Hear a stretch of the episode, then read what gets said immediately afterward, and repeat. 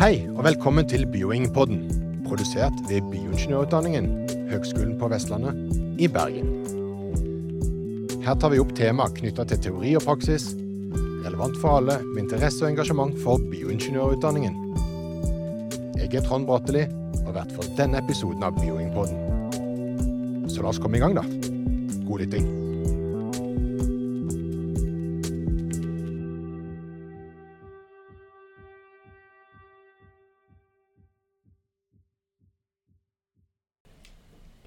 I, denne episoden av Bioing-podkasten så har jeg fått besøk av Lene.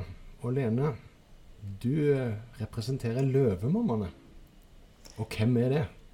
Løvemammaene er en diagnoseuavhengig organisasjon som er ganske fersk i Norge. Eh, men på få år så har vi blitt over 7000 medlemmer. Og, eh, ut, og vi det er ikke avhengig av diagnose for å være medlem hos oss. Vi skal favne alle og hjelpe familier å få bedre rettigheter og bedre livskvalitet i hverdagen. Ja. Løvemammaene, eh, det er jo et eh, symbol. Det er jo et veldig kraftfullt symbol.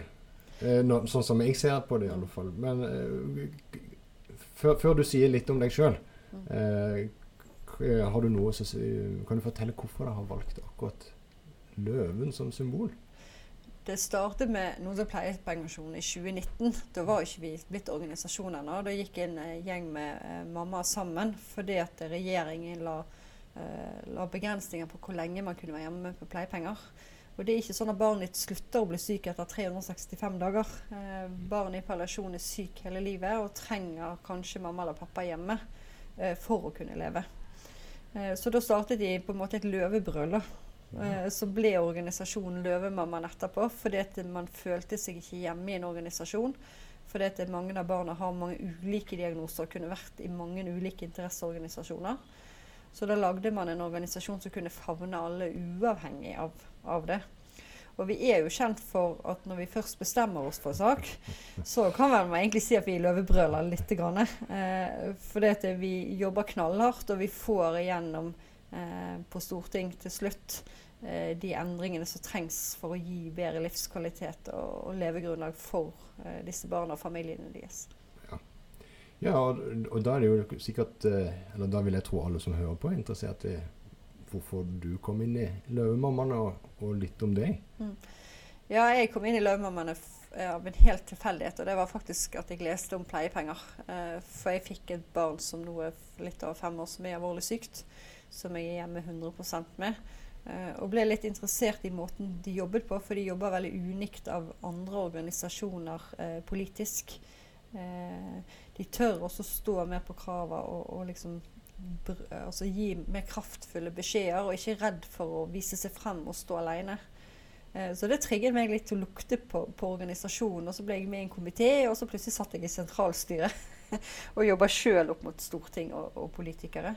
Eh, og det å leve med barn i, med alvorlige diagnoser i palliasjon er veldig krevende.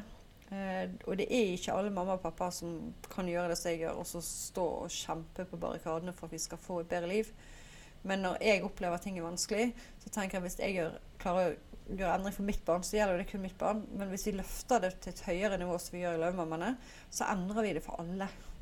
Og det er det som liksom mottoet vårt, at vi skal endre noe for alle. Ikke bare for oss sjøl, ikke ta kampen bare for oss sjøl, men ta kampen for alle. Så det er egentlig de tillitsvalgte for barn med en alvorlig sykdom og foreldrene deres?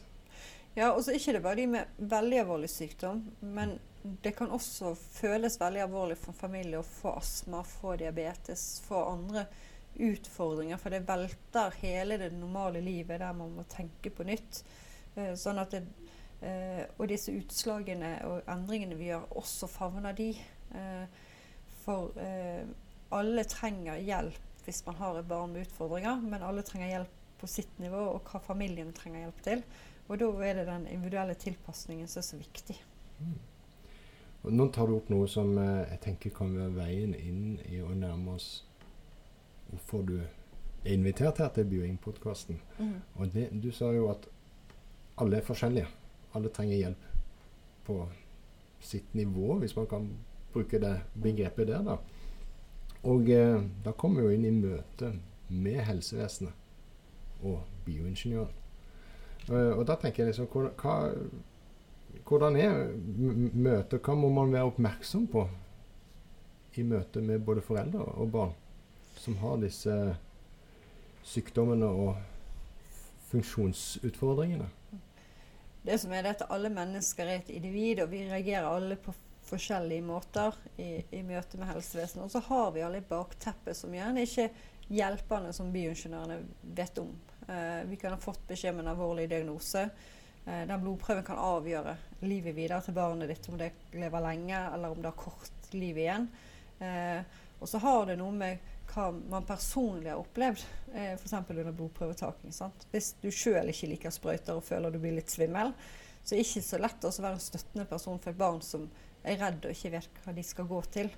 Eh, sånn at Da er rollen til bioingeniøren veldig viktig. Det å være trygg i rollen, kunne veilede og, og eh, gi gode beskjeder om hva som skal skje. Eh, sånn at det blir eh, kanskje noe som kan oppleves så dramatisk blir noe fint. Eh, og man kommer ut igjen derifra med mestringsfølelse. For det er jo noe av det viktigste, spesielt for barna, men kanskje også foreldrene, opplever at de mestrer en situasjon de ikke er vant til å være i. Mm. Ja, og det du, det du, trekker fram her, det er jo at man må være åpen for den historien de tar med seg inn i situasjonen. Altså den er forskjellig. Den er individuell. Hele, hele bakgrunnen for at de er der. Og, og, da tenker jeg eh, altså Hvordan skaper man en god relasjon da, til barn og unge i, i så, sånne situasjoner? Ja, foreldrene òg, for den saks skyld. De, de er jo òg med. Mm. Det å møte de der de er. Eh, stille spørsmål har dere tatt blodprøve. For mange foreldre har jo ikke tatt det sjøl og vet ikke hva de skal fortelle barna. Sånn. Eh, det å spørre barna når du har tatt blodprøver før, hva vært best for deg? Hvordan kan vi gjøre denne situasjonen bra for deg? Hva har liksom virket før og ikke? Og så har du de barna med språk der vi foreldre er talerør for dem, og faktisk høre hva vi formidler. Eh, at Sist gang når vi tok blodprøve, så fikk vi kjempebra opplevelse, for da gjorde vi enten det eller det. Og Da er det en invitasjon til bioingeniøren å prøve å gjenskape den situasjonen, sånn at vi kommer ut med en mestringsfølelse også denne gangen.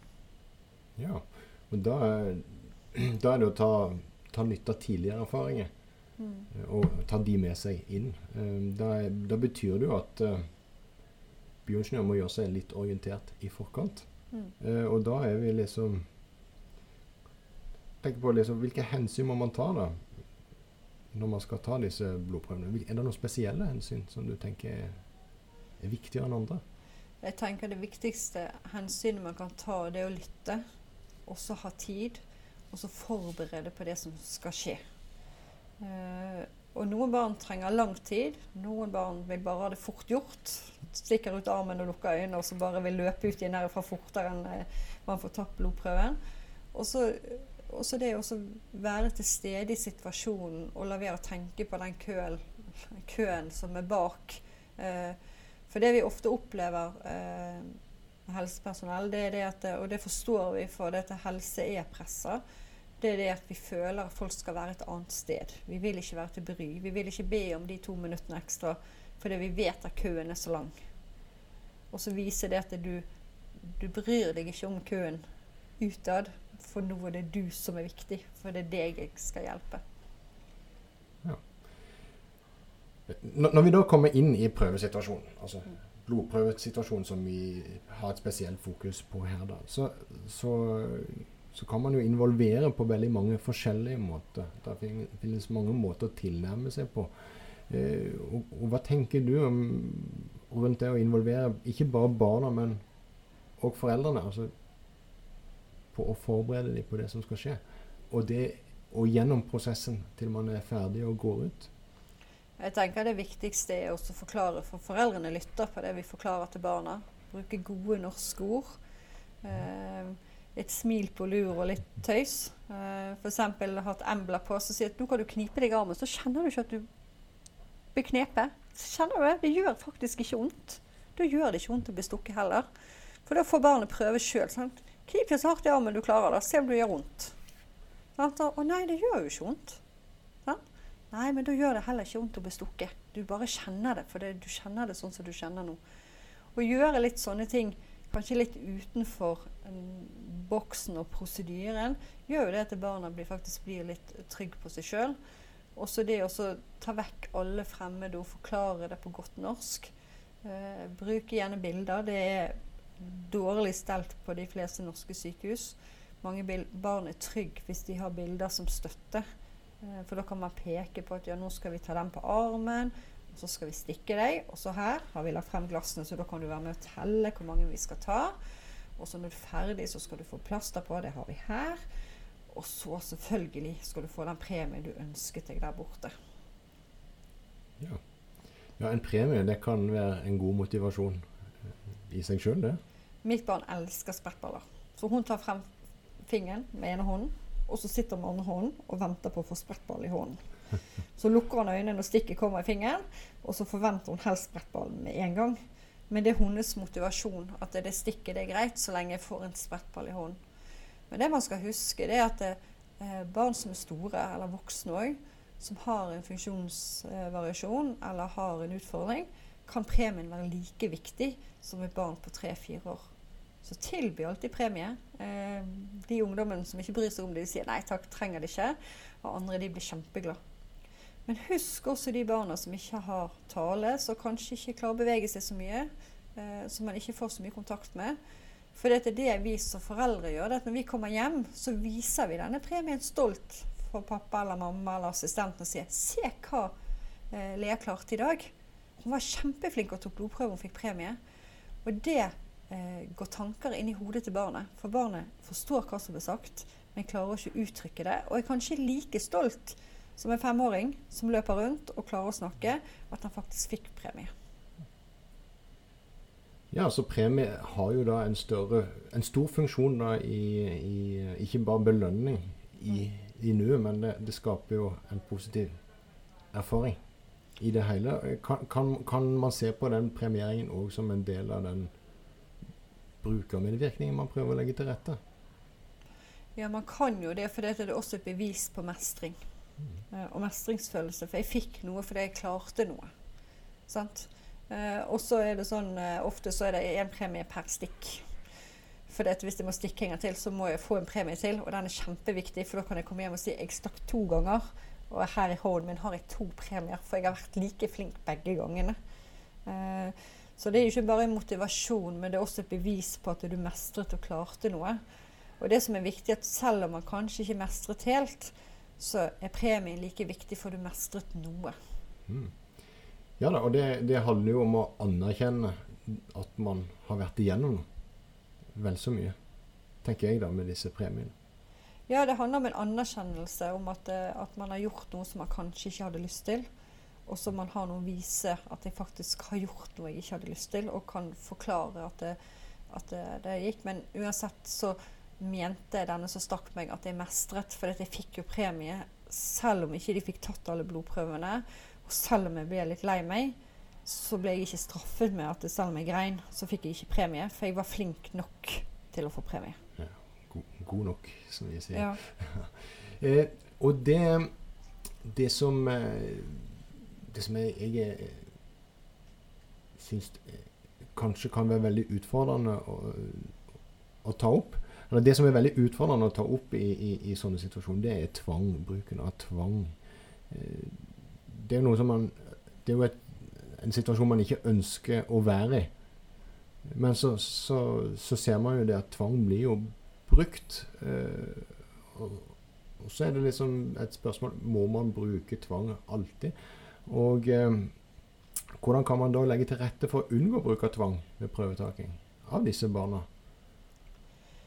Det finnes så mange måter, og alle barn er forskjellige. Sant? Noen trenger eh, mye forberedelse, kanskje besøke to-tre ganger ta seg en runde, få seg en is og komme tilbake inn og føle mestring. At første gang var det skremmende å sitte i stol. Nesten litt sånn hos tannlegen med små barn som tilvennes eh, og eh, gå til tannlegen. Sant? Første gang besøker de bare stolen. De fleste barna nekter å gape. Sant? Eh, og så har det noe med den kommunikasjonen å gjøre foreldrene trygge nok. For ikke foreldrene trygge, så går det over på barna. Og noen ganger så er faktisk medisiner det beste. For det til barna, når de, når de blir det, så husker de ingenting. Men det som er viktigst, det er å vente til barnet er klart, selv om det er medisert. Ikke bare tenke at barna har fått medisiner, nå bare tar vi det. For man må ha et barn som er med, selv om det er medisinert og blitt roligere. Eh, så må barnet være med på prosessen. At man ikke glemmer barnet bare fordi det er medisinert. At nå gjør vi det i full fart, for nå har jo barnet fått litt innabords, så nå bare gjør vi det i full fart. Men prosessen må jo foregå på samme måte. Men det vi ser det å få tilbakemeldinger på, det er det at eh, god informasjon, god prosess, og ikke minst at barnet får lov å si at stopp er stopp, så gjør det barna mer trygg på at OK, dere får lov å prøve, men hvis jeg sier stopp, så er det helt stopp. Da gjør ikke vi mer akkurat nå. Og det gjør gjerne at barnet føler seg tryggere og eier situasjonen. Og mange barn sier da at de føler at det var bedre å ta det selv om de gruet seg. De eier situasjonen da, på en måte?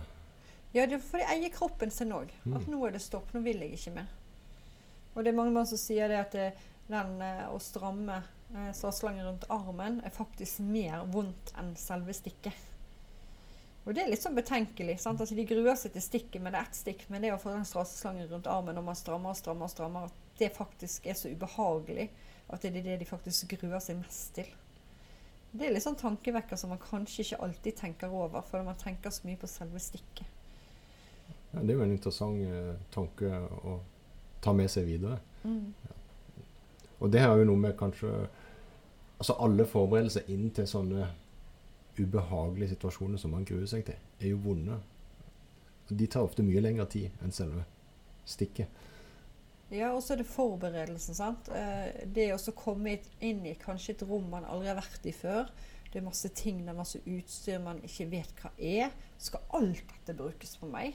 Sant? Det står mange glass der. sant? Noen bare Oh shit, skal alle disse? sant? Og det der å vise dette Nei, vi skal bare ha disse to.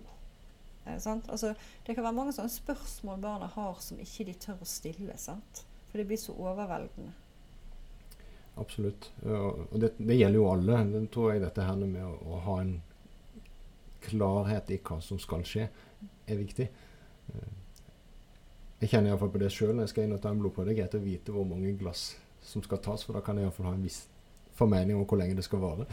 Og så må vi huske det at eh, helsepersonell gjør gjerne disse prosedyrene hver dag, og det er en rutine. Og det er jo ikke farlig. Og, og vi vet hva vi gjør, og dette kan vi godt. Men for de som møter helsepersonellet, kan det være første gangen. De kan ha aldri hørt om det før.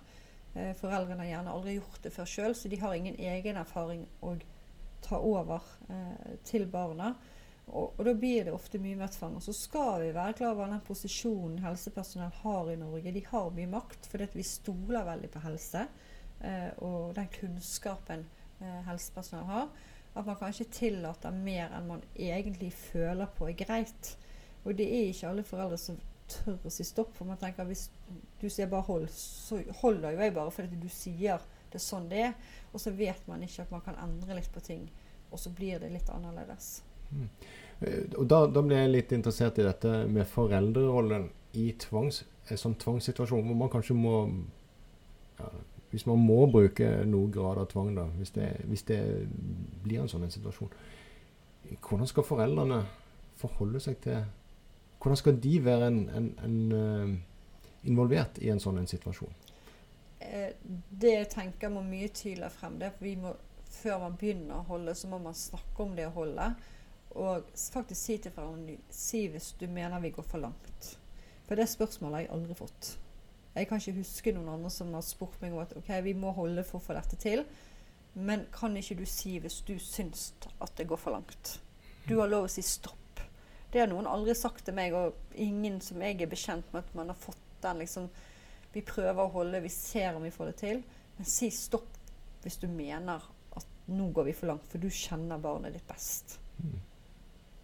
Ja, og så tenker jeg eh, nå, nå, gjør jeg en liten sånn egen uh, projisering her, sånn som jeg tenker på situasjonen. Mm. Og det er jo det at uh, og det sier jeg jo til studentene òg, at jeg vil jo at de ikke skal involvere foreldrene i selve den tvangssituasjonen. Altså at de, er, de, må være med på å utøve tvangen. For, for det har noe med relasjonene å gjøre. altså for Foreldrene og barna skal ha den gode relasjonen. Det må jo være en trygg, trygg havn. Hvis det må utøves tvang, vil du, vil du noen gang tenkt at det var greit at foreldrene var med og holdt? Jeg tenker det må foreldrene avgjøre sjøl. For det er veldig ofte så gjør man prosedyrer der barna sitter på fanget til foreldrene, for det er en trygg havn. Eh, barna vil bli mer usikre hvis de skal sitte i en stol alene. Eh, og tenk hvordan det ville vært for deg å være barn hvis du skulle sitte på et fremmed sitt fang og bli holdt, enn å sitte iallfall på mamma eller pappa sitt fang og så beholdt. Altså, det har noe med det at barn også sånn relasjonsmessig at uh, mamma og pappa er en trygg havn. At da har man på en måte en trygghet selv om man blir holdt. Men det er veldig vanskelig å kunne svare på, for barn er så forskjellige.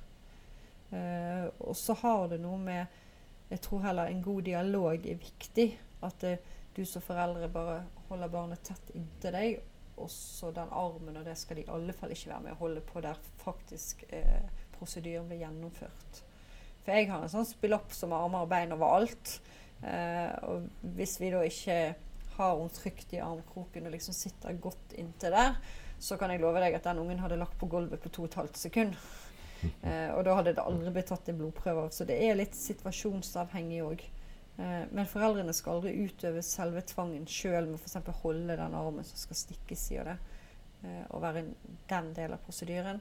Men å ha et trygt fang å sitte på, at det føles litt tryggere å gjøre på, det er ofte det barn foretrekker. Ja, da bevarer man òg den nærheten som ja. kan være viktig å ha i den situasjonen. Mm. Hvordan kan da bruk av tvang påvirke barn i, et sånn lengre perspektiv? Hvis man tenker på viderebehandling? Eh, det man opplever som jeg nå snakker litt personlig, det er det at eh, barnet vil ikke at noen i vits skal ta på det. Sånn at undersøkelser blir veldig vanskelig. Altså, legen får ikke lov å lytte engang, får ikke se i ørene, får ikke se i halsen. Da blir alt plutselig tvang. For dette alt må holdes, sant? enn at man kan gjøre det frivillig. Sant? Eh, sånn at barnet er med på leken. At ja, det går fint å se meg i ørene, for det gjør jo ikke vondt.